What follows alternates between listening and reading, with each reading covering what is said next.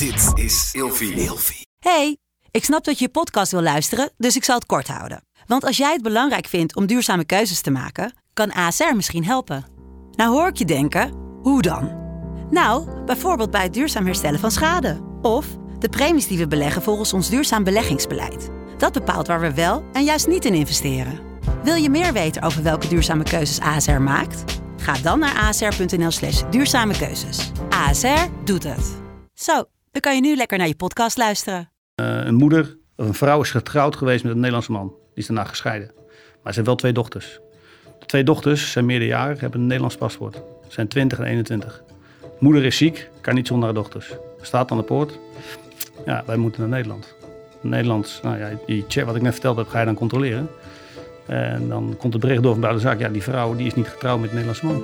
Dus die mag niet geëvacueerd worden. Dus alleen die dochters mogen geëvacueerd worden. Nou, hoef je niet echt uh, weinig voorstellingsvermogen te hebben. Als jij, wij moeten dan dat bericht gaan brengen. Wij, gaan, hè, we houden ze buiten de poort als het, als het, als het kan. En we komen terug en zeggen, nou, uh, bij de dochters, jullie mogen mee naar Nederland, maar uw moeder moet hier blijven.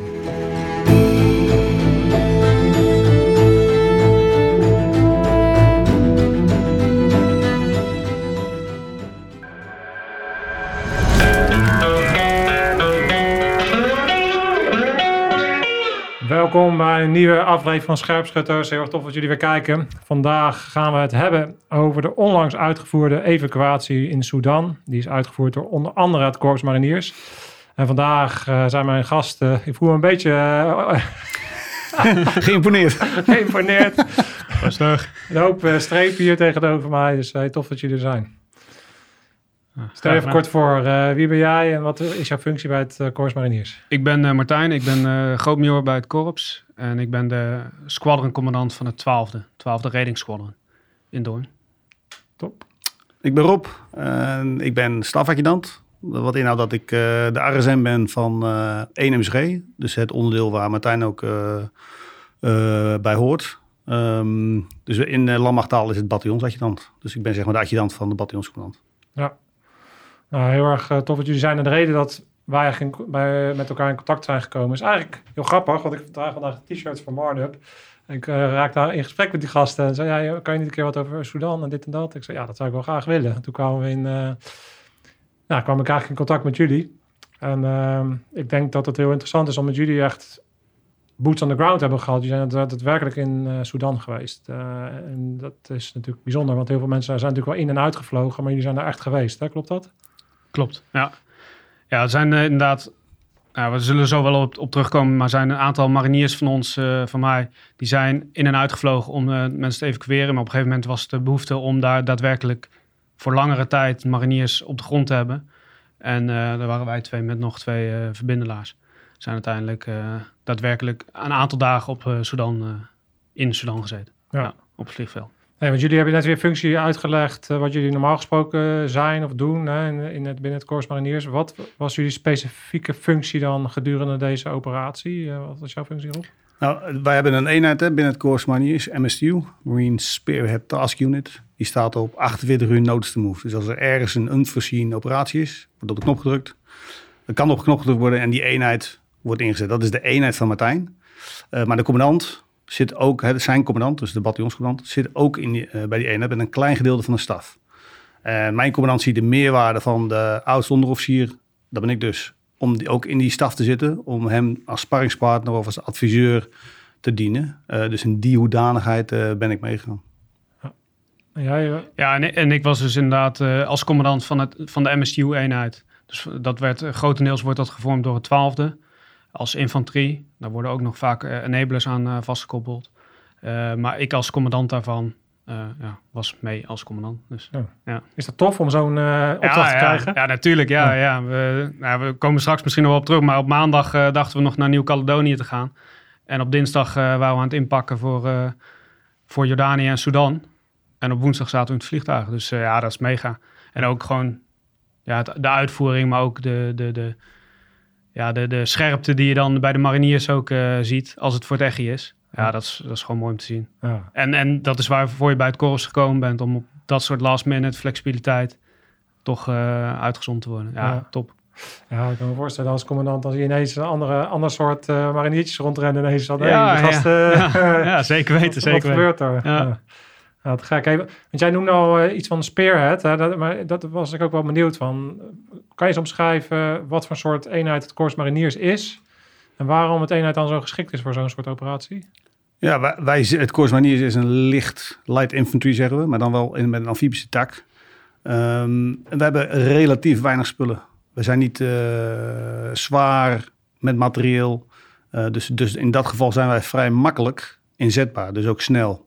Als er op een knop gedrukt wordt, dat betekent dat de marinier zijn rugzak inpakt. Heeft hij misschien al gedaan. We nemen onze wapens mee, onze munitie. We hebben bijna geen voertuigen. Of geen voertuigen zelfs dit keer. En we kunnen Ja, binnen één- 48 uur Eén wagen toch? De benenwagen. de benenwagen, ja. ja. Die gaat heel lang en heel snel soms. Ehm, dus da- dus dan, dan ben je per definitie al vrij snel inzetbaar. Ja. Nou, als je dan ook nog vaak traint eh, met eh, onvolledige informatie of eh, onverwachte momenten. Dat betekent dat, jou, dat je gewend bent aan een werkwijze waarbij je plotseling dingen moet doen waar je niet vier dagen de tijd hebt om voor te bereiden. En wat betekent dat voor de mindset van jouw mariniers dan? eh, als je dan praat over zo'n soort eenheid, wat voor soort mindset hebben die gasten dan? Ja, nou ja, allereerst flexibel, maar ook, ook gewoon mentaal en, en fysiek gewoon sterk. Dus eh, je moet om kunnen gaan met weinig informatie eh, en, en verschillende situaties. En daar ook zelf het beste van kunnen maken. En dat is, dat is ook wat we ook met deze inzet gezien hebben. Nou ja, maakt eigenlijk niet uit in welke situatie je een marinier zet. Hij zal daar altijd het beste van proberen te maken. En ook eh, de instelling hebben om dat te doen. Om dingen te regelen en, en ja, het, het niet alleen comfortabel, maar ook gewoon uitvoerbaar eh, te maken. Ja. Ja.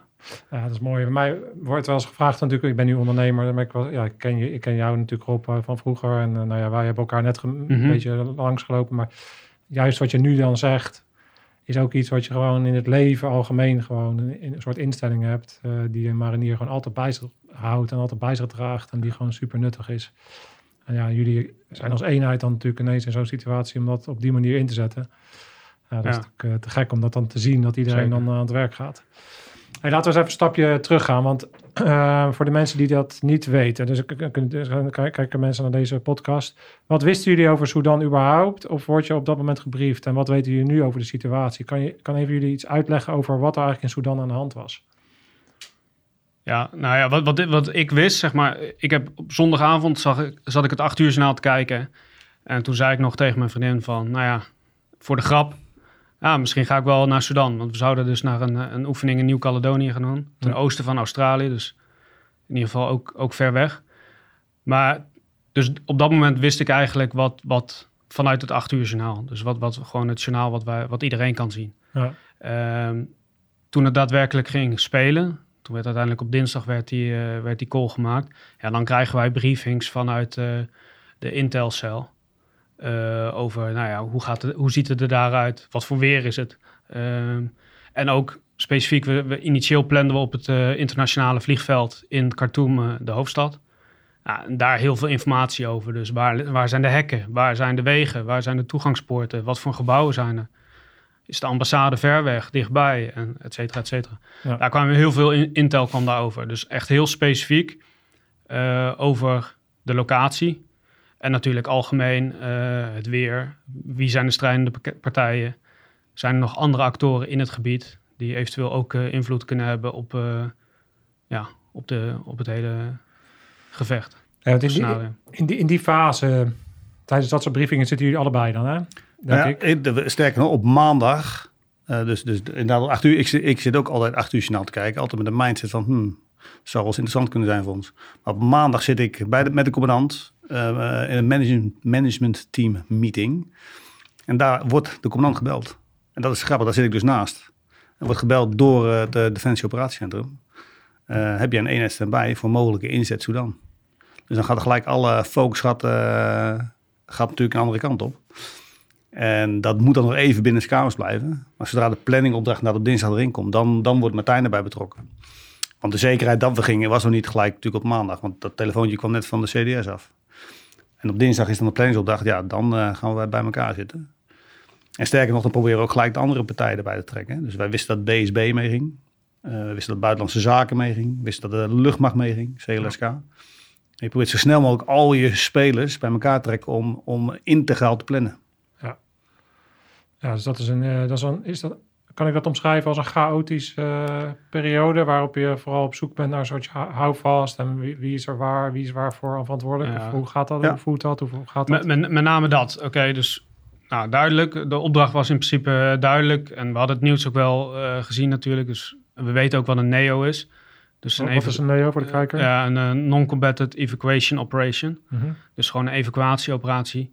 Dus dat is op zich relatief duidelijk. Dus, en, en wat we moeten doen is duidelijk. Alleen waar we het moeten doen en hoe we het gaan doen, hoe we, het gaan willen doen, dat is iets voor, om, om- voor ons om uit te zoeken. Maar met name ook van, oké, hoe gaan we daar komen? Eh, met wie moeten we samenwerken? En dat is op dat moment dan nog niet duidelijk. Ja. Want wij kunnen nu wel in Splendid Isolation in Doorn een mega mooi plan gaan maken. Maar als we niet de vliegtuigen hebben om maar te komen, of eh, de BSB hebben om de BZ'ers te begeleiden, eh, een BZ van Buitenlandse Zaken, of überhaupt mensen van Buitenlandse Zaken hebben om daar mensen eh, eh, de paspoorten te controleren, ja dan, ja, dan zijn we daar. En dan, maar dan ga je niet je missie mee eh, behalen. Want jij geeft, jij geeft aan, ja, wat was eigenlijk wel duidelijk, maar wat was, de, wat- was de missie? Was het iedereen weghalen of alle Nederlanders? Of wat is, wat is dan de missie? Ja, het, het, het zijn dus eigenlijk de, de mensen die gerechtigd zijn om in Nederland te verblijven. Dus die al een Nederlands paspoort hebben of recht hebben op een Nederlands paspoort. Dus dat kunnen eh, Nederlanders zijn of uh, Soedanese Nederlanders.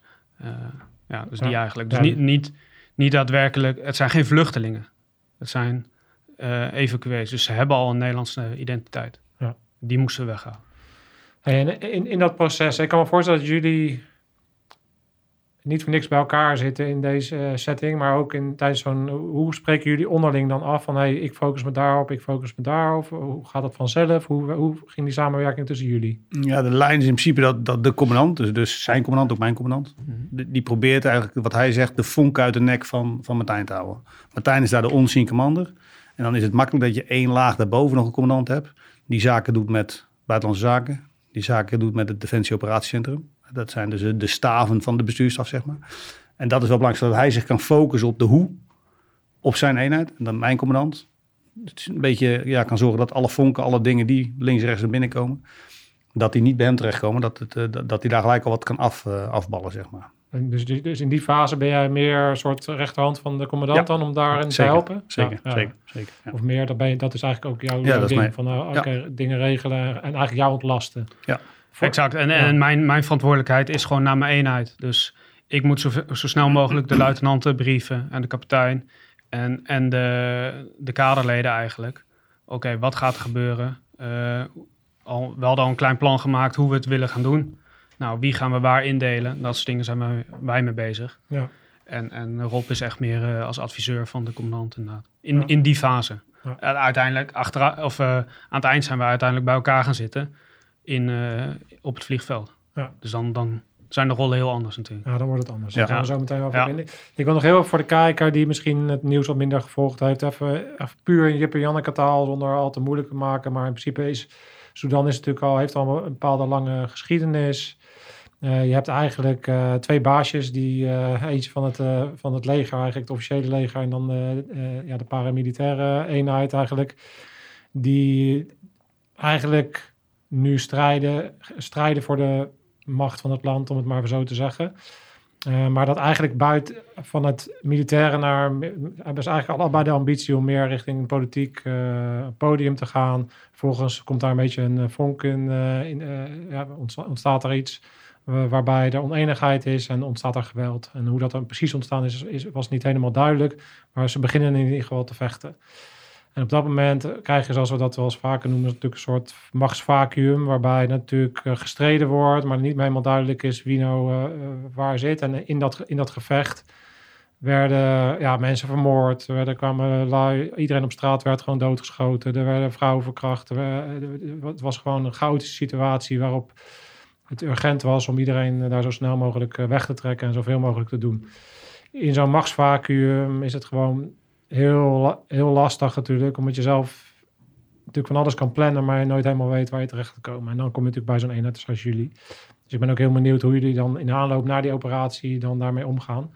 En, eh, dus laten we daar een beetje, eh, een beetje induiken. Is wat ik net heb gezegd, klopt dat een beetje met eh, het beeld wat jullie hadden en een beetje achtergrondinformatie die jullie hadden?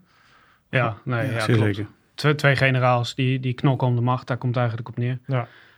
En eh, ja, in de periferie zijn er allemaal andere spelers die daar invloed op proberen te... Ja. Op de beide generaals proberen te hebben natuurlijk. Ja. Ja, dus gewoon eh, chaos. En ehm, eh, waren er mensen die misschien bekenden daar hadden zitten vanuit de ene? Ik kan me voorstellen dat er misschien een een is van, ja, mijn neefje of dit of dat. eh, waar, waar was Nou, hij? Nee, nee. nee, helemaal niks. Oké, hey, laten we jullie, dus de initiële fase is duidelijk. Jullie, ehm, nou ja, je had erbij, jullie krijgen de, eh, wat, voor een soort notice the move was er voor de kijker? Notice the move is van, oké, op een gegeven moment krijg je natuurlijk een beeld van, nou, zo snel gaan we waarschijnlijk al op pad. Hoe, wat, wat voor een tijdsplanning eh, kregen jullie te horen? Even een kort bericht van mij tussendoor. Voel je ook dat je meer zou kunnen? Dat je als het er echt om gaat, je niet 100% levert? Dat je uitstelgedrag vertoont, niet eens begint of het niet afmaakt? Heb je meer last van stress dan dat het je vriend is? Presteren, vooral onder druk, is een vorm van meesterschap.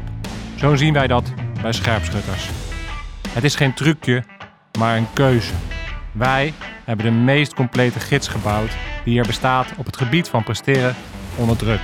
Gebaseerd op 50 jaar ervaring in de frontlinies. Toepasbaar voor iedereen. Check www.scherpschutters.online voor meer informatie.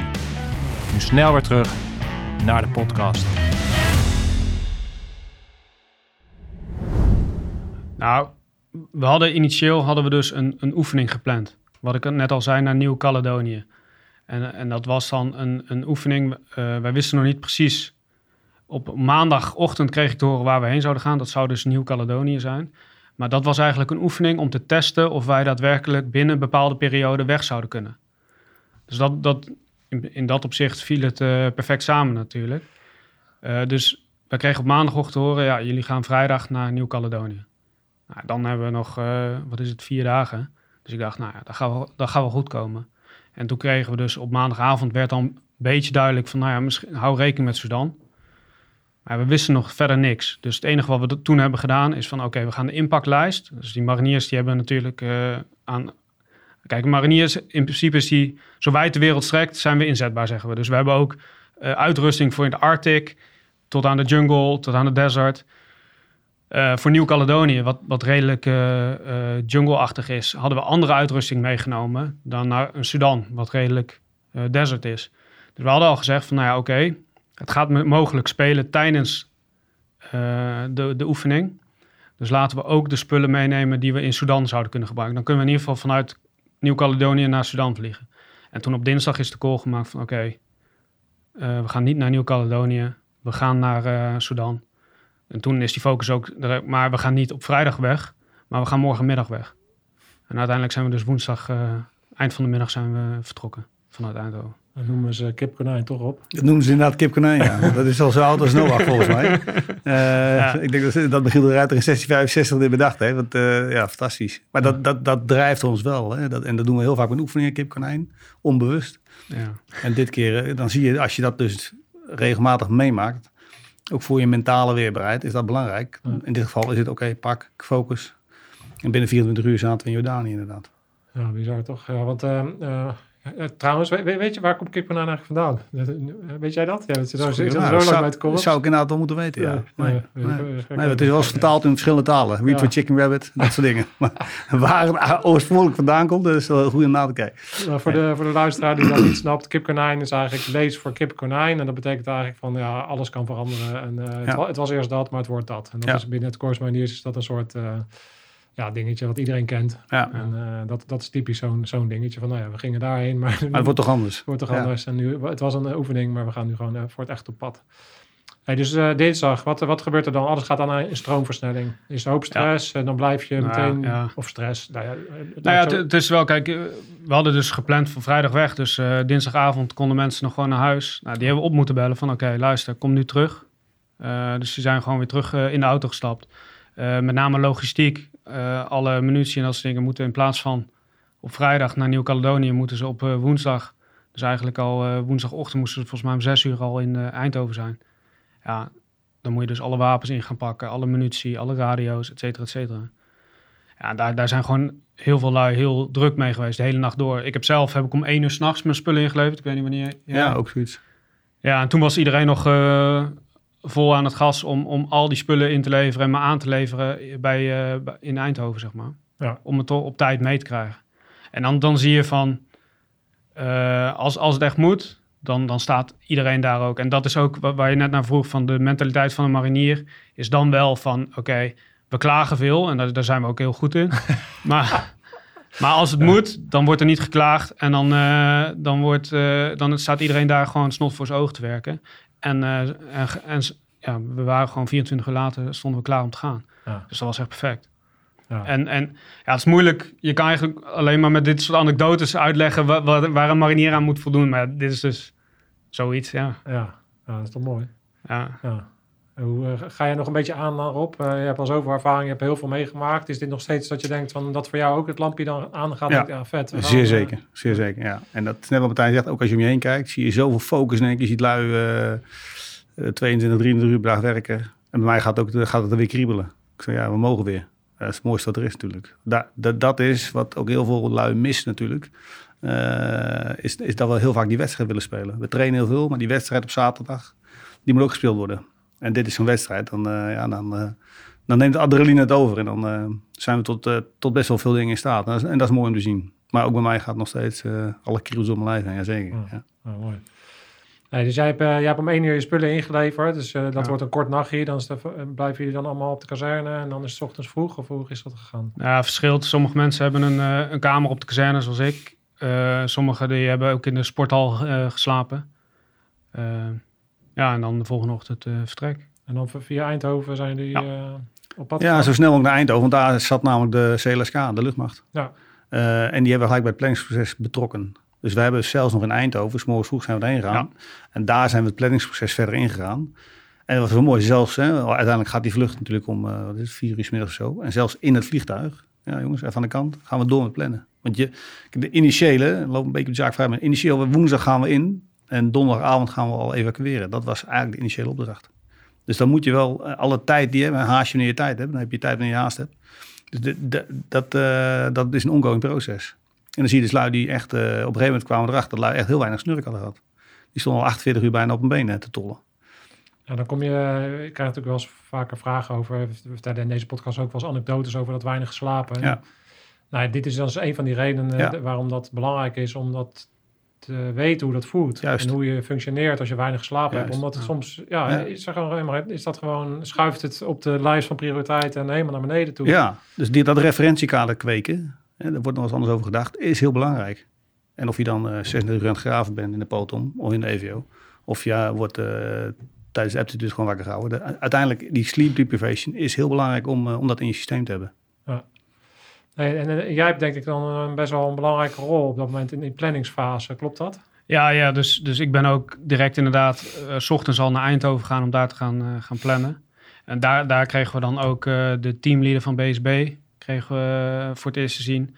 En konden we daadwerkelijk met de piloten en de planners van de luchtmacht, die daadwerkelijk ook de inzet zouden doen, gaan plannen. We hadden wel op dinsdagmiddag al een LNO gekregen van, eh, vanuit de luchtmacht. Nou, wat is dat? Een liaison officier. Dus dat eh, gewoon een, een of, officier van de luchtmacht, een, een piloot, die we gewoon vragen konden stellen van oké, eh, hoeveel man kunnen er in de, in de kist? Hebben we een lange kist, korte kist? Zitten er dus bankjes in? Eh, hoe, moeten we refuelen ergens? Of hoe lang is de vlucht? Dat soort stomme vragen, we- tussen aanhalingstekens, kunnen we dan allemaal aan, aan zo'n piloot stellen. Ehm, dus dan, dan ga je al niet helemaal alleen plannen. Maar het beste is natuurlijk om met alle planners bij elkaar te zitten. Of met alle spelers die daadwerkelijk ook de inzet gaan doen eh, te zitten. Dan kan elkaar in de ogen kijken van, hey, kan dit? Eh, ja, gaan we werk bij maken. Ehm, en dat gaat veel sneller dan dat het via een, een no is. Ja. En we merken dan ook, eh jij noemt er BSB en eh, eh, andere clubjes, eh, luchtmacht. eh, merk je Mhm. dan dat die mindset die jullie hebben en die, eh, die wil, dat dat, dat dat overal ook zo eh, leeft en dat ieder- iedereen eh, bereid is om te knallen? Zeer zeker, zeer zeker. Ja. Ja. Kijk, het is totaal een andere wereld, hè? luchtmacht of mariniers. Maar die lui zijn zo specialistisch met hun werk bezig. Die kunnen zich echt focussen op één ding. Wij, wij zijn echt van hey, alles kunnen wij pakken alles op. Maar luchtmacht echt hele specialisten. En, en elke vraag die je stelt, er rolt gelijk een antwoord uit. En als wij zeggen, wij hebben de behoefte aan dit, gaan hun kijken hoe ze dat werkbaar kunnen maken. Dus ja, we hebben echt een hele fijne en goede en eh, effectieve samenwerking gehad met zowel de luchtmacht als met de, de BSB. Het, het, mo- het mooie was, BSB kwam al met een team van zes man. Er waren vier oud-mariniers. nou, dat was gelijk kaas natuurlijk. Ja. Dus die andere twee moesten even bijtrekken. Maar die vier mariniers, eh, dat was gelijk eh, een feest van herkenning. Ja. Ja, Ja, dan wil je meteen dezelfde Ja. taal en het is gewoon... eh, Ja. ja. mooi. Ja. Ja. Ja, en dat, dat was ook goed, want dat was gewoon in de vertrek al in Eindhoven, zeg maar, was het gewoon, hey, heb ik niet met jou in Afghanistan gezeten? hey, ja, Wilbert, hoe Ja. is het? Ja. En eh, ja, die kennen elkaar gewoon, eh, Ja, mooi. klein wereldje, korps. Ja, gaaf. Ja. Ja, en ehm, eh, is- is- want zij hebben een hele specifieke taak. Je, we hoeven, we hoeven niet over de BSB in detail in te gaan. dat moeten ze nog maar zelf vertellen als ze dat willen. Maar zij hebben echt een specifiek andere taak dan jullie. Maar jullie hebben wel een bepaalde overlap. Hoe, hoe, hoe, hoe, doe je, hoe ga je daarmee om in de planningsfase? Hoe werkt dat? Nou, ja, zij, zij zitten eigenlijk naast die man of vrouw van buitenlandse zaken. En, Oh ja. en de echt, hun veiligheid is, is eh, de prio. Ook voor ons is hun veiligheid natuurlijk een prio. Maar ze- dat is, eh, ja, hun staan er echt constant naast eigenlijk. Het, het voordeel van eh, de, bijvoorbeeld de teamleader van BSB, die had ook de evacuatie in Kabul gedraaid. Dus die had ook die ervaring mee, kon die meenemen in de planning. Eh, nou, bij ons heeft Marshof natuurlijk ook eh, de, de evacuatie in Kabul gedraaid. Dus ook van tevoren hadden wij al met Marshof eh, gezeten van... oké, waar ben je tegenaan gelopen? Wat moeten we nog extra meenemen? Et cetera, et cetera. Gewoon om die lessons learned eigenlijk mee te nemen naar de planning voor, voor Sudan. Ja. En, en dat was gewoon heel, heel prettig. En, en ja, die, die, hun verantwoordelijkheid is anders. Maar zij, we hebben ze eigenlijk meegenomen in hun team... of wij in hun teampje... Eh, en, en wij hadden dezelfde doel. En we gingen elkaar gewoon daar eh, versterken, daar waar nodig. Nice. Dus, eh, Ja, cool. Hey, En, dan- dan, je zit in het vliegtuig, de planningsfase gaat gewoon door. Jullie gaan naar Jordanië. Ehm, wat gebeurt er dan? Waar jullie komen aan. Nou ja, laat- ik- dat bedoel ik met die andere wereld van de luchtmacht en de mariniers. Want we kwamen aan bij een hele grote terminal. Eh, dat was dan toegewezen voor ons. Dat had dan, eh, ik denk bij buitenlandse zaken, iemand had geregeld dat wij die hele terminal, die hele loods met een betonnen vloer mochten gebruiken. Dus je ziet dat de, marinier die komt eraan met zijn rugzak en die begint zijn matje uit te rollen. En die denkt, nou, oké, daar, ga ik de aankomende dagen vertoeven. Nou, wat er vergaat, waar zijn we met de luchtmacht weg? Dus die had gelijk hotels geregeld. Die zei, jullie krijgen een hotelkamer. Eh, Oké, die marinier die denkt, dat is gewoon een geintje natuurlijk. Hotelkamer, ik ga toch gewoon hier op mijn matje liggen. Nee, je krijgt een hotelkamer, maar het is wel, ja, sorry jongens. Ik denk niet dat we voor iedereen een eigen hotelkamer kunnen krijgen. Dus je zou met z'n tweeën op een hotelkamer gaan liggen. En die manier zegt, dan moet ik tien op die hotelkamer gaan liggen. Dat heb ik nog nooit meegemaakt. En trouwens, er zijn ook nog een paar huurauto's. Ja, we hebben er maar 16, maar de andere eh, zeven die komen morgen pas. Dus sorry bij dat wij- huurvoertuig. Wij doen alles met die benen waren. Dus ja, dat was, dat was natuurlijk fantastisch om te zien. En, en dat, zeg ik, die luchtmacht, ja, die, op een of andere manier regelen gewoon dat daar gewoon kamers soms bij een hotel beschikbaar zijn. Dat we huurauto's hebben. En ja, dat, daar kun je alles wat van vinden. Wij mariniers hebben- maken daar ga- vaak wel geintjes over. Maar ja, in dit geval... eh, Ja, maar ik, ik wil dat ook, want we hebben het over slaaptekort gehad. En eh, het is natuurlijk. Er zit natuurlijk een hele wereld achter. Is, is als jij Ja. een, een kist moet vliegen. Ja, Ja, wil je- zeker. zou jij willen vliegen met een piloot die maar een uurtje heeft geslapen? Nee. Nee, toch? Nee. Dus, dus de, het is ook.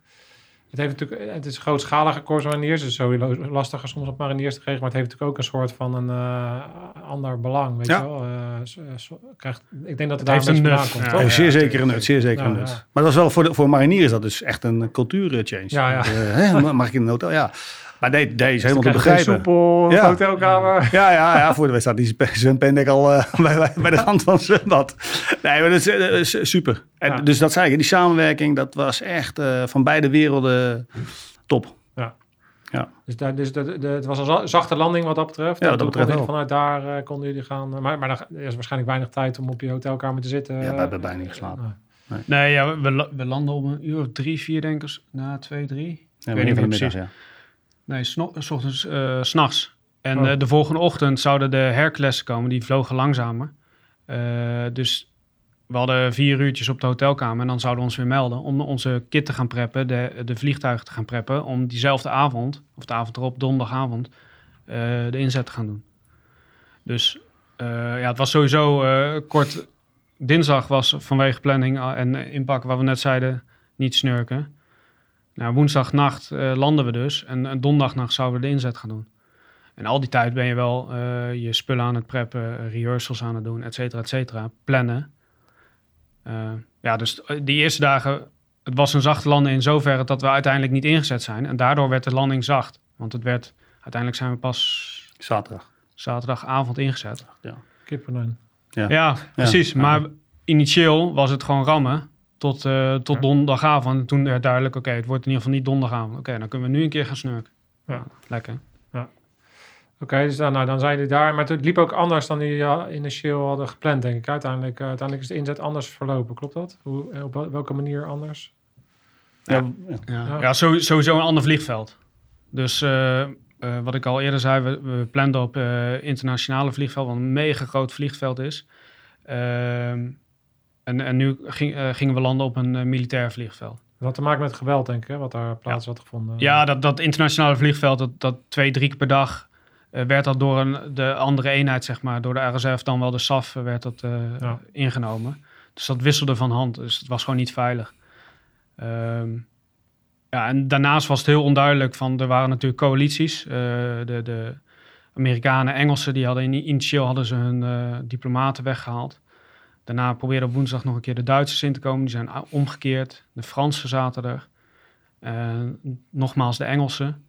Dus het was ook qua coalitie was het niet altijd even duidelijk van wie, wie er nou al op het vliegveld eh, zat en met hoeveel. Ehm, ja, dus eigenlijk hadden wij gewoon een, een basisplan gemaakt van oké, wij kunnen op elk vliegveld een deel van de veiligheid van het vliegveld te draaien. We kunnen mensen ontvangen, we kunnen mensen eh, processen, dus hun eh, paspoort controleren en daarmee ook een veilige situatie eh, garanderen voor de mensen van BZ. Dan hebben we nog een, een reserve-eenheid die we vrij weg kunnen zetten of misschien een tweede locatie kunnen bemannen. En een CP'tje om de, om de communicatie met Jordanië en Den Haag. Dus dat hadden we. En die template ko- konden we eigenlijk op elk vliegveld zetten. Uiteindelijk zijn we ook zo weggegaan op, op eh, zaterdagavond. Met twee kisten tegelijk. Eén kist dus inderdaad met die eenheid die dat kon doen. En één kist met eh, enkel beveiliging. En ehm, de dag voordat we vertrokken wa- kwam er nog de vraag vanuit eh, Duitsland van, nou, kunnen jullie een deel van de beveiliging? Ja, Roger, eventueel zouden we dat wel, wel kunnen, want we komen met, nou, wat ik net zei, komen Ja. binnen.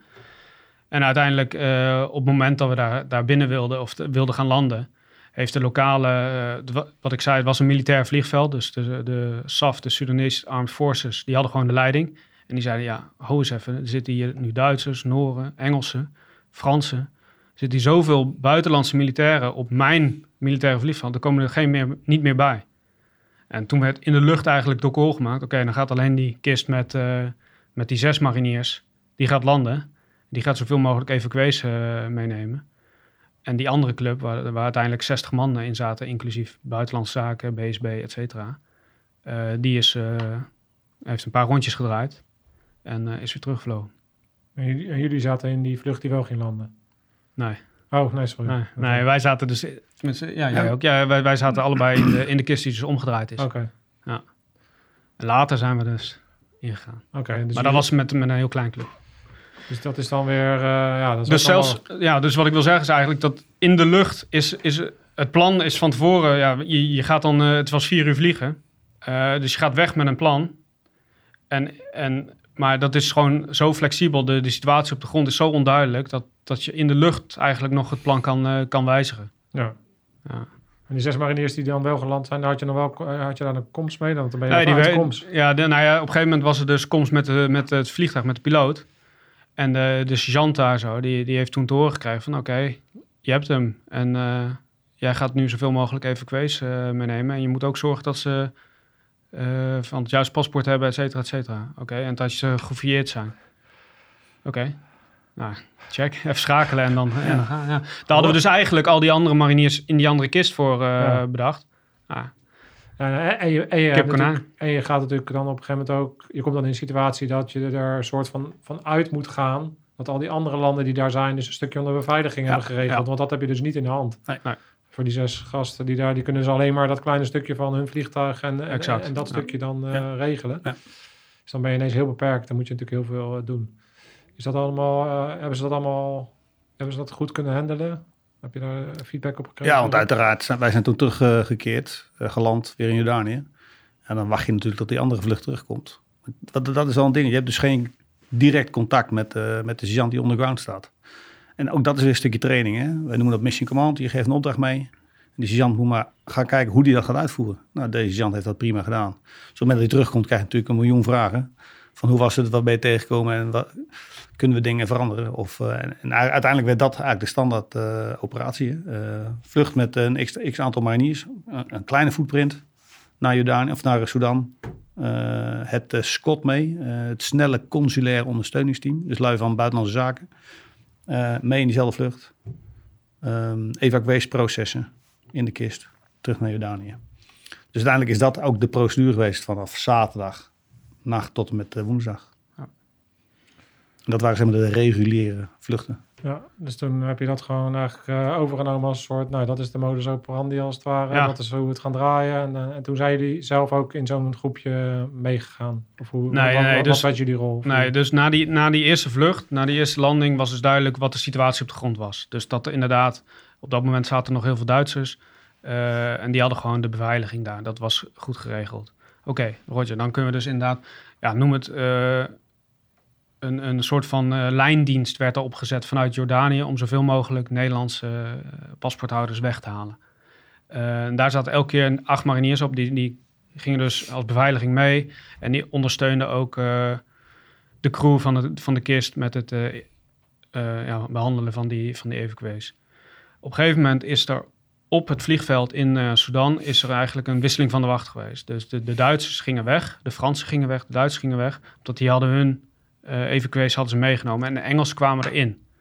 En, en toen kwam eigenlijk de vraag vanuit eh, met name Den Haag en ook vanuit ons van, nou ja, we willen toch wat meer feeling krijgen met hoe het in Sudan op het vliegveld werkt.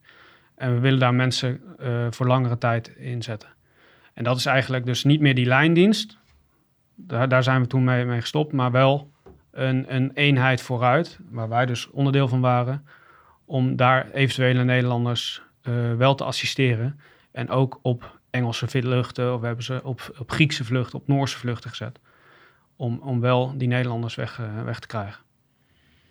Oké, dat... eh, ja, dus toen, en toen gingen jullie toen, eigenlijk met deel 2 van de missie. Toen was het Ja, exact. Dat was we- eigenlijk- We gaan ja. erin. En hoe was dat?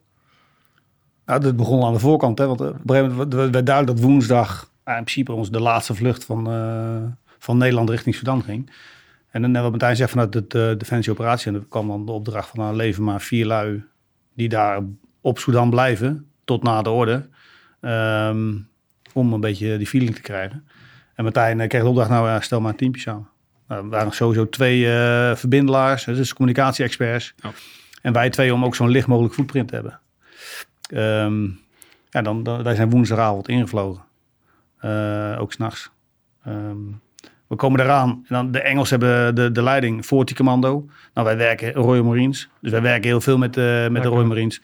Dus dat was als een warm bad. Het was al warm daar, maar het het was, uh, bloody hot trouwens. Maar het was uh, een warm bad. We hebben een rondje gedaan in het begin, handjes gegeven. Ja. Nou, die CEO die kon weer de commandant en uh, die uh, Colossaatje, uh, know you from before, die kon, had ook weer ergens. Dus, dus je hebt ook in Engeland gezeten? Ik heb, uh, ja, ik heb een paar jaar in Engeland gewerkt voor de Mariniers. Dus en, en, ja, en, en wat ik zeg, omdat we vaak met die lui werken, is het, uh, je spreekt dezelfde taal, je hebt dezelfde procedures. Dus dat was binnen een drie kwartier was dat geregeld. Ja, de kleine detail wat de kijker misschien niet weet, is wij hebben natuurlijk ook uh, Engelse uh, procedures over de radio, ja, ja. weet je wel. Dus het is ja. makkelijker ja. de landmacht praat Nederlands. Ik merkte altijd in Afghanistan dat het soms echt wel eventjes zo ja, even schakelen, weet je wel. Als je in Nederlands ja. deze dingen moet doen, uh, terwijl wij natuurlijk het in Engels doen. Dus dat, dat, dat ja, het sluit allemaal heel erg mooi aan. Ja, ja dus dat, dat, was, dat, was, uh, dat was super. Ja. Hey, maar dan kom je daar aan met ja. z'n vieren en dan moet je het allemaal maar regelen. Ja, dat, dat, was, dat was wel lachen. Dat was, uh, we, we, komen dus uit, uit uh, het vliegtuig. Nou, daar, daar, zit dan ook nog BSB bij en, en een SCOT-team... om eventuele evacuees meteen weer mee terug te nemen... om die vlucht niet alleen voor ons te laten plaatsvinden natuurlijk. En uh, die hadden al... BSB had al meer op het vliegveld gezeten. En die hadden natuurlijk al die lijnvluchten, lijnvluchten gedaan. Um, en dus, dus zij zei van, nou ja, wij zaten toen hier, zaten ze midden op een plaat. Maar de, de Duitsers, die waren net weggegaan en die hadden een mooi Sunnet. sunnet hadden ze achtergelaten. Dus wij zaten met ons NVG te kijken van, hé, volgens mij zit er geen lui en er zit wel een mooi net. Mooi. Dus toen zijn we s'nachts, midden in de nacht, zijn we de, hebben we eigenlijk die, die, die plek geclaimd. Voordat eh, de Engelsen die eh, konden innemen. En de, de volgende ochtend, eh, volgens mij wilde ik iets van de Noren weten of zo. Dus ik was even naar die Noren gelopen. Ik zeg, eh, kan ik een paar Nederlanders bij jullie op de vlucht zetten? Ja, ja, kan wel. En eh, ja, dit is onze laatste vlucht. Eh, we hebben een auto hier, alsjeblieft. Dus toen hadden we ook nog een, een blik direct de volgende ochtend. En we hadden ook al een, auto van de deputy ambassadeur. Hadden we dus s'nachts nog de poort ingereden. Dus we hadden daar ja, binnen, binnen een paar uur hadden, hadden we onze zaakjes op orde, zeg maar. Ja. Dus dat was wel leuk.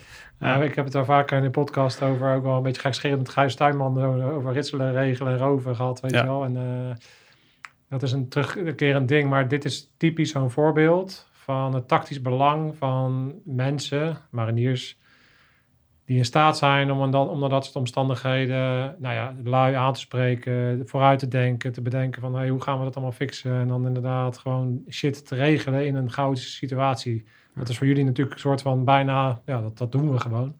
Maar het is natuurlijk ehm, interessant om te zien vanuit de buitenwereld van, ja, maar hoe fixen jullie dat dan eigenlijk? Ja, dat is, dat is, dat Ja, is dat gewoon hoe je in in- elkaar zit. ja, dat zit in je DNA. Ja, dat zit in je systeem. Je loopt een rondje, je bent aan het kijken. Oh, wacht even, kan we dat meenemen? En eh, je maakt afspraken met die Engelsen. Eh, wij gaan daar zo liggen. Eh, is dat prima? Ja, kunnen we water en voeding voor jullie krijgen trouwens? Want we hebben maar voor twee dagen bij ons. Of voor drie dagen. Ja, dat is goed. En nou, voertuig ook. Kan voertuig aan. En dan weet je ja, binnen, binnen twee uurtjes heb je je zaakjes op orde. We- Of op orde. Dan weet je in ieder geval, nou, dit is mijn onderkomen voor de aankomende dagen. En die moeten we doen. En heerlijk primitief. Hè? Het matje rol je uit. Je zet je klamboe neer. Nou, dat is het. En meer heb je ook niet nodig. Dat is zo, zo waren we ook op pad gegaan hè, met een rugzak. ehm, met het minimaal wat je bij hebt. Water, voeding, munitie, wapen en, ehm, Radio's. en de paradio's. Ja, en dan heb je dus heel snel de basics geregeld. Ja. En dan? Ja, dan wordt het... Want wij waren natuurlijk vrij snel bekend. Oh, de Nederlanders liggen daar. En voor mij werd ik de eerste ochtend... Wij hebben geprobeerd te snurken daar. Maar het was echt bloedverziekend heet, ook s'nachts. Ja. Eh, dus die lag maar een beetje te zweten op je matje.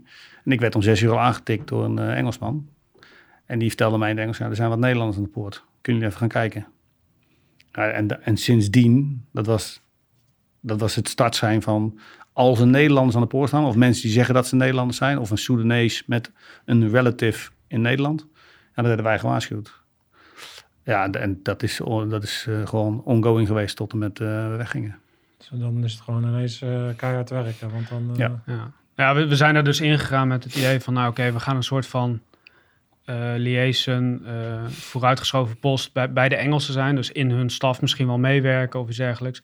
Maar uiteindelijk kregen we alle complicated cases, zoals eh, de Engelsen dat noemden. Dus dan was bijvoorbeeld een, eh, de man was, had een Nederlands paspoort, maar de vrouw een Soedanees paspoort. Dan wisten de Engelsen niet van, oké, kan die vrouw dan mee, ja of nee?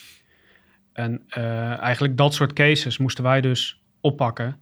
En eh, die gingen wij dus via de radio met eh, buitenlandse zaken communiceren om alle paspoortgegevens door te geven, et cetera. En dan werd er vanuit buitenlandse zaken werd er uiteindelijk een call gemaakt van oké, ja, die kan mee of die kan niet mee. Ja. Dus het, en, klinkt vanaf hier en vanuit iemand van buitenlandse zaken een soort van oké, dat is gewoon bam bam bam bam. Maar wat is de realiteit van zo'n beslissing? Wat gebeurt er? Het, is, het is sowieso heel gecompliceerd. Want omdat wij. Kijk, er staat eh, een voorbeeld. Er staat een vrouw aan de poort, een Soedanese vrouw. Die zegt: Ik heb een Nederlandse man. En ik heb vier kinderen. Er zijn een aantal dingen die je moet checken. Ten eerste, heeft ze een man in Nederland? Nou, dan heeft zij waarschijnlijk op haar telefoontje een foto van het paspoort van haar man die op dat moment in Nederland zit. Dus die moet je checken. Oké, is die, die klopt die? Die klopt. Dan moet zij een trouwakte kunnen overleggen. Meestal is dat in het Arabisch. Nou, dat kunnen wij niet lezen. Dus dat moet even in het Engels. Nou, heel vaak hadden ze dat ook in het Engels bij zich. Dus een trouwakte. Dan kun je verifiëren of zij getrouwd is met die man. Dan heeft ze vier kinderen. Ja, zijn dat haar kinderen? Of zijn het toevallig buurjongens? Dus ze moet ook nog vier keer een geboorteakte kunnen overleggen. Nou, dat moeten wij allemaal gaan controleren. En wij zijn natuurlijk niet op geschoold. Dus wat doen wij? Wij, krijgen, wij maken, dat, dat, hè, maakten een foto ervan. Gingen terug naar ons onderkomen. Dan pakten we de radio. En wat Martijn zegt, gingen we alles dus doorgeven via de radio. Aan de andere kant van de radio zat een marinier. En daarnaast zat iemand van Buitenlandse Zaken. Die schreef alles mee. Die gingen dat dan checken via hun lijnen. En dan kwam het bij ons door van ja, eh, was, er waren drie mogelijkheden. Ja, Nee. Of een gedeelte mag naar Nederland en een gedeelte moet achterblijven. En dan wordt het wel lastig natuurlijk.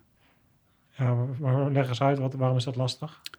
Nou kijk, als jij een, eh, een heel simpel voorbeeld is een, eh, een moeder of een vrouw is getrouwd geweest met een Nederlandse man. Is daarna gescheiden. Maar ze heeft wel twee dochters.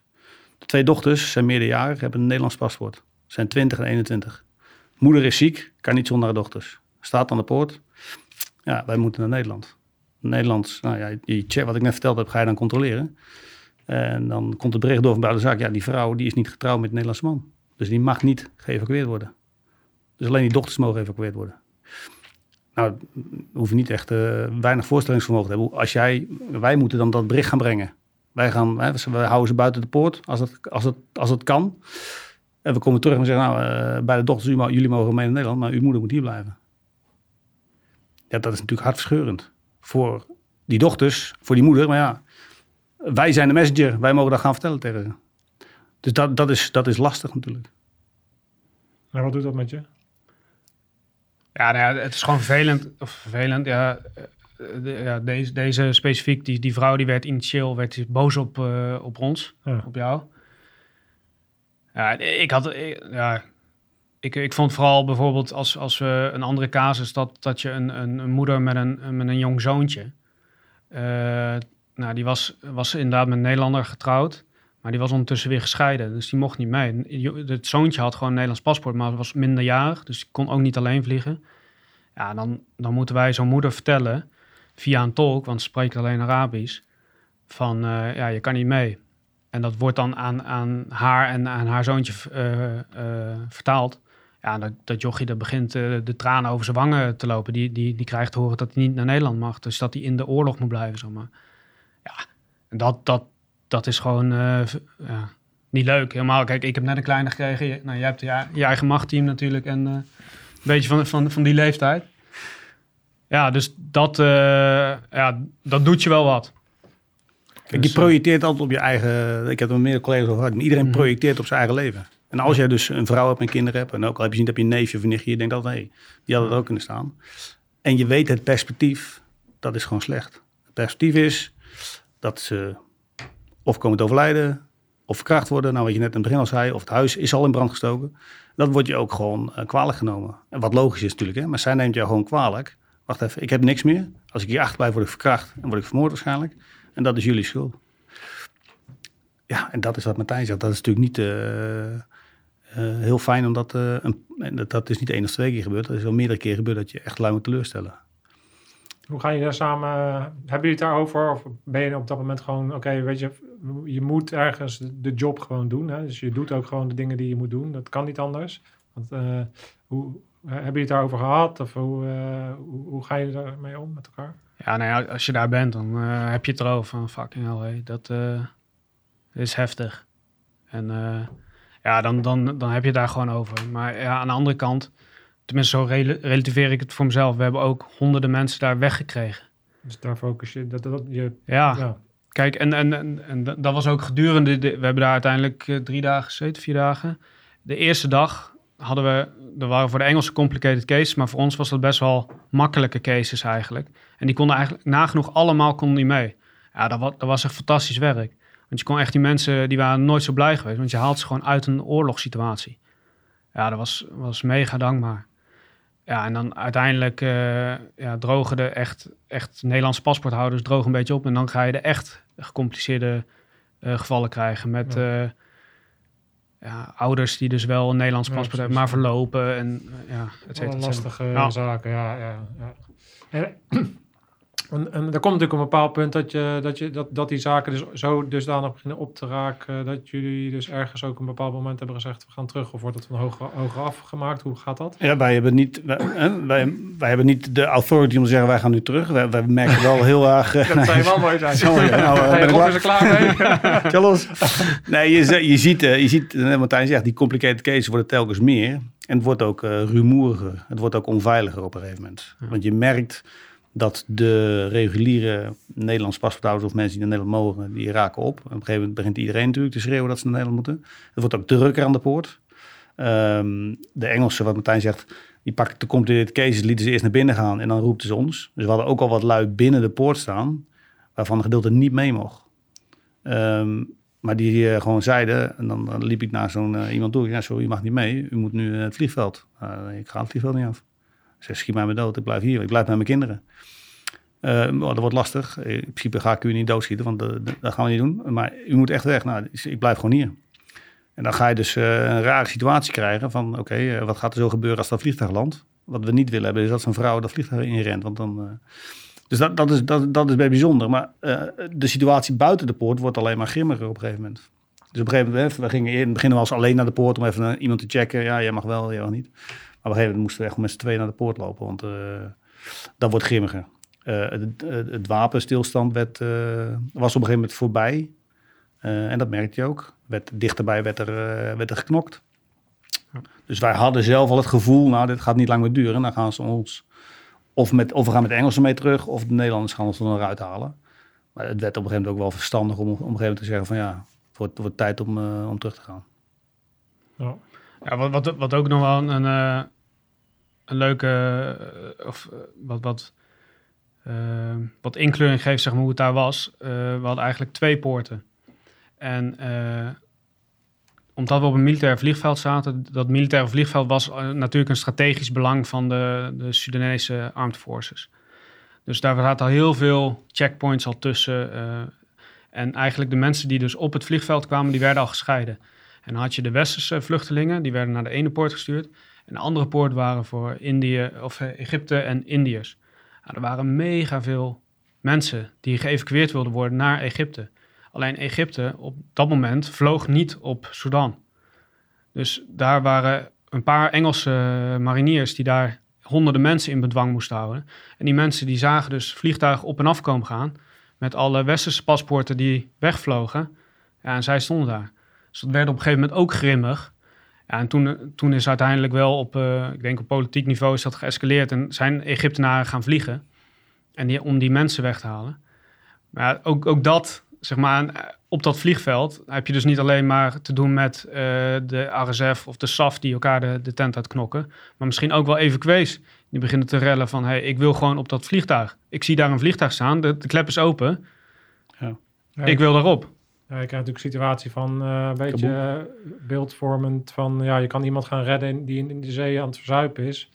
Maar je moet natuurlijk voorkomen dat je zelf ondergetrokken wordt door degene die je gaat redden. Ben je zo'n soort uh, beeldspraak, ja. is dat natuurlijk van, ja, precies wat jij zegt. Ja, als, als, als die daar gaan rennen en het vliegtuig wordt gesloopt, dan zijn we verder van ja. huis of er gaan doden vallen. Ja onder, onder jouw verantwoordelijkheid op dat moment.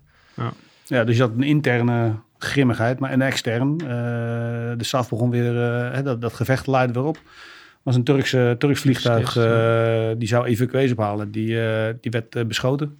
Dus die kon nog landen bij ons op vliegveld. Ja, de Turken. Ja, ja die foto's van gezien. Ja, die hebben gewoon een, een vleugel lang geschoten, zeg maar. Dus dat triggerde wel veel mensen van... Oh, misschien moeten we eens na gaan denken over een extraction. Ja. Ja. En dat, dat, dat is niet zozeer omdat het dan gevaarlijk voor ons was. Misschien ja, ook wel, maar, maar ook omdat het dan ook onverantwoord is om mensen naar dat vliegveld te laten komen. Want die nemen dan het risico om daar te komen. Als daar mega gevecht omheen zijn, ja, dan is dat risico gewoon groter uh, dan dat je thuis blijft en uh, ja, een volgende mogelijkheid afwacht. Ja. Ja, dus het is gewoon een heel lastig, uh, bijna een schaakspel waarop eigenlijk geen enkele goede uitkomst is. Maar je altijd moet kiezen tussen mindere kwaden. Ja. En dat is natuurlijk ook wat, dat zeg ik ook vaker, weet je, oorlog is niet zwart-wit, het is een grijs gebied. Absoluut. ook dit soort dingen die je er meemaken, weet je wel, ook voor, ik kan me nog heel goed herinneren dat je in zo'n leslokaal uh, op de militaire academie of op het KIM of waar, waar je dan ook op wordt opgeleid, dat je dan hoort over de ethiek en de, de vraagstukken waar je mee te maken gaat krijgen. Maar dit is gewoon, dit is gewoon real, dit is gewoon het werk wat je doet. En dit is, dit is de situatie waarin je terechtkomt. Ja. Waarop je op allerlei niveaus uh, natuurlijk uh, aan de slag moet. Met, met, uh, ja, Met, je, met je eigen waarden, met, je, met de dingen die je doet, met je, met je, met je vak, met strategie, met tactiek. Met, alles, alles komt daar natuurlijk in samen. In zo'n zaak. Ja, en, en, dat is misschien wel hè, ook, ook om, om te vertellen. De, net wat je zegt, hè, je gaat om met een stukje normen en waarden. Uh, en je hebt er best nog wel af en toe invloed op. Hè? Wij zijn natuurlijk politiek gestuurd. Dus als politiek zegt, of buitenlandse zaken zegt, die gaan niet mee, die gaan wel mee. Nou, daar gaan wij niks aan doen. Maar die, die, die vrouw die binnen die, in die terminal was, die zegt, nou ja, schiet mij maar dood. Ik, ik ga, ik ga uh, dat vliegtuig op. Ik heb toen aan de Engelsen gevraagd, uh, hoe gaan jullie om met dat soort lui?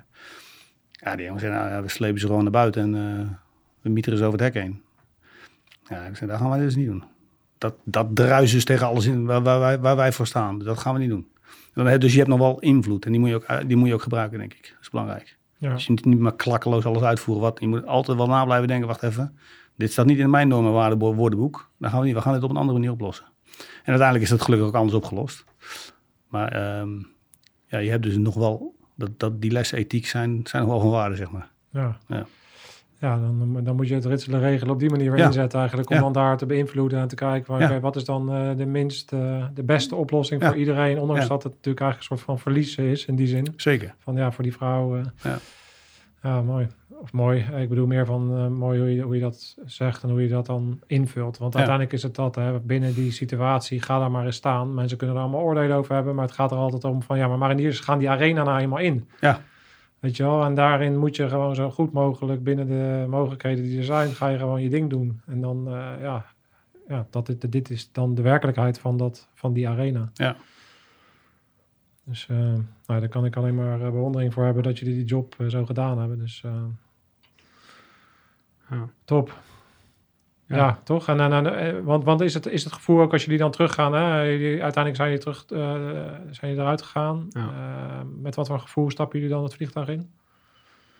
Ja, op dat, dat, zo- op dat moment, wij, wij stappen dan het vliegveld, vliegtuig in met de mensen die wij daar de afgelopen dagen eigenlijk bij elkaar ges- gesprokkeld hebben, oneerbiedig gezegd. Die dus niet mee konden met de Engelsen, niet mee konden met de Grieken, niet meer konden met wie dan ook. Dus die konden alleen maar op een Nederlandse kist.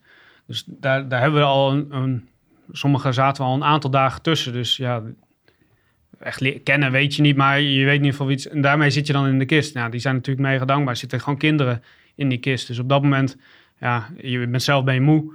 Eh, dus je probeert een beetje te slapen en bent af en toe een beetje gekke bek aan te trekken met, met zo'n kleine. En eh, ja, dat is eigenlijk het gevoel eh, wel toch wel van oké, we, hebben, we hebben het eh, gefixt. In ieder geval voor deze mensen.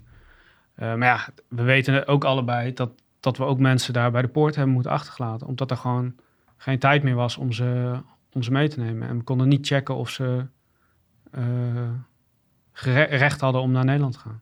Ja, dat is een beetje bittersweet eigenlijk. Een soort van, Ja, dat, ja. dat is het. Dubbel Ja. gevoel, inderdaad. Ja. Ja. Hey, en, dan, en dan kom je terug in eh, Eindhoven, Doorn. En dan is dat op een gegeven moment ook de hele club weer bij elkaar. Doe je nog een soort afronding met elkaar? Of hoe werkt dat? Hoe gaat dat? Nou, wij vlogen terug naar Jordanië en een gedeelte van Martijnse club eh, was al in Nederland. Mhm. Je moet je voorstellen, we zaten daar met, met best wel een grote club. En vanaf woensdag was het bekend dat wij met z'n vier op Sudan zaten. We hadden een kleine reserve, voor mocht het misgaan, om ons wat even te ondersteunen. En de rest eh, hebben ze naar huis gedrukt. Dus de helft zat ongeveer nog op Jordanië. En die waren klaar met afwikkelen, dus wij kwamen aan en gingen ongeveer zo staan. We hebben een minuutje afgenomen, wapen afgenomen. Want eh, de volgende ochtend op zondag eh, vloog eh, de kist naar Nederland, naar Eindhoven. En op Eindhoven aangekomen staat er dan, onze eigen generaal stond natuurlijk, de, de marine-adjudant, de staan wat lui, luchtmachtgeneraal geloof ik, dus er staan wat lui om ons te bedanken. Ehm, en dan zie je wel, hè, daarna zijn we naar Doorn gegaan, van Doorn naar huis.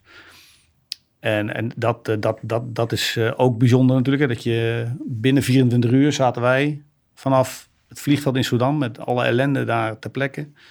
24 uur later zat ik eh, thuis op de bank met een biertje. En dat is wel even schakelen. En dan heb ik 30 jaar ervaring, maar dan, dan, dat is nog wel... dat is niet dat je zegt van zo, klik, klik, ik ben er weer. Nee, dat duurt even. Nou, ik, ik, had letterlijk binnen 24 uur een klein donker babytje in mijn armen. En eh 24 uur later had ik mijn eigen baby in de, in de armen, zeg maar. Dus dat, ja. was wel... Dat is ook voor thuisfront is dat wel apart. Van, want eh, vanwege wat, wat eh, cyberdreiging die daar was, hebben we ook allemaal geen telefoon meegenomen en dat soort dingen. Dus we hadden nul komst met de thuisfront. Dus thuisfront eh, werd wel geïnformeerd door, door het korps zelf, maar niet door ons. Dus eh, ja, ik, ik, kwam, kwam weer thuis, zeg maar. Of ik, terwijl, toen ik in Nederland kwam, kon ik weer even facetimen met, eh, met mijn meisje. Maar ja, het was heel bizar om, om dan ook te moeten vertellen van ja, eh, gisteravond eh, ja, stond ik met een andere baby. Oh. zo, ja. Oh, bijzonder. Dus de, je, je vrouw of je meisje was heel erg blij dat je er was. Ja, ja, dat sowieso natuurlijk. Ja, ja. Die kleine is nog te klein om echt... eh, Ja, ja, die denkt eh, prima, maar... ja. Als hij met tevreden heeft. Ja, Ja. precies. Eat, sleep, shit, repeat. Ja. mooi. En hoe, hoe landen jullie? Want jij hebt daar, dus, eh, wat je zegt, heel veel ervaring. Maar het is nog steeds zo, bam, dan zit je in één keer weer. Wat, wat- doe jij iets specifieks om, om te landen? Eh, Ja, ik, ik probeer zo snel mogelijk het, het leven weer op te pakken, zeg maar. Gewoon de dingen doen die je anders ook zou doen. Dat is mijn eh, methode om zo snel mogelijk weer, eh, ik noem het altijd maar, in te burgeren. Kijk, en, en het scheelt natuurlijk als je vier maanden of eh, voorheen ging gewoon zes maanden weg. Als je geluk hebt, had je jaar naar, hè, kwam ik een keer thuis of niet. Ehm, maar daarna ging je altijd wel even twee dagen naar Kreta hè, om te adapteren. Ehm, dit was twaalf dagen uit en thuis, maar wel heftig. Hè? Kort en heftig was het. Ja. Maar, maar ik gedij daar goed bij om gelijk weer die draad op te pakken. Ehm, en dan, ja. Maar de, de- de- iedereen heeft zo zijn eigen methode, denk ik. Doe Eh, je er iets specifieks voor? Of ook Nou, in principe doen een paar poepluizen doen het goed hoor. Eh, paarden? ja, precies. Ja. Nee, dus in, de- in, de- in dit geval ging het heel natuurlijk. eh, ja. Nee, Nice. En eh, daarna dan zie je elkaar weer in Doorn, eh, alle boys, eh, iedereen dan eh, toch het gevoel van, nou, we zijn op pad geweest, we hebben echt iets gedaan wat Ja. het doet. Is dat, is dat goed Ja. voor de eenheid? Ja, zeker. ja, zeer zeker, zeer zeker. En ook voor, niet alleen voor zijn eenheid, maar voor de eenheid ook. Want ook mensen in Doren, die zien jou gewoon twee weken lang niet aanwezig in Doren, maar weten dat je in Sudan dingen aan het doen bent. Dus je komt er, ja, het kan dus wel, jongens. Ja, je hoort, hè, wat zei, we klagen wel eens, ja, moet die wedstrijd spelen. Maar nu zien lui dat je dus ook eh, belangrijk is dat je tijdens een training, tijdens zo'n eh, oefening, ook alles uit de kast haalt om er, klaar voor te zijn. Hè, we zeggen wel eens, be ready and impress. En dat klinkt heel mooi, maar we moeten het ook doen. Want het kan zomaar gebeuren dat als wij nu in de auto zitten, dat er gebeld wordt, dan een andere brand uitgaan. Dus je moet er wel klaar voor zijn. Ja. En dat ziet, dat zien niet alleen zijn eenheid, dat ziet de hele eenheid zitten. En, en ik hoop ook heel het Corosmaniërs en heel Defensie natuurlijk moet dat, moet dat inzien.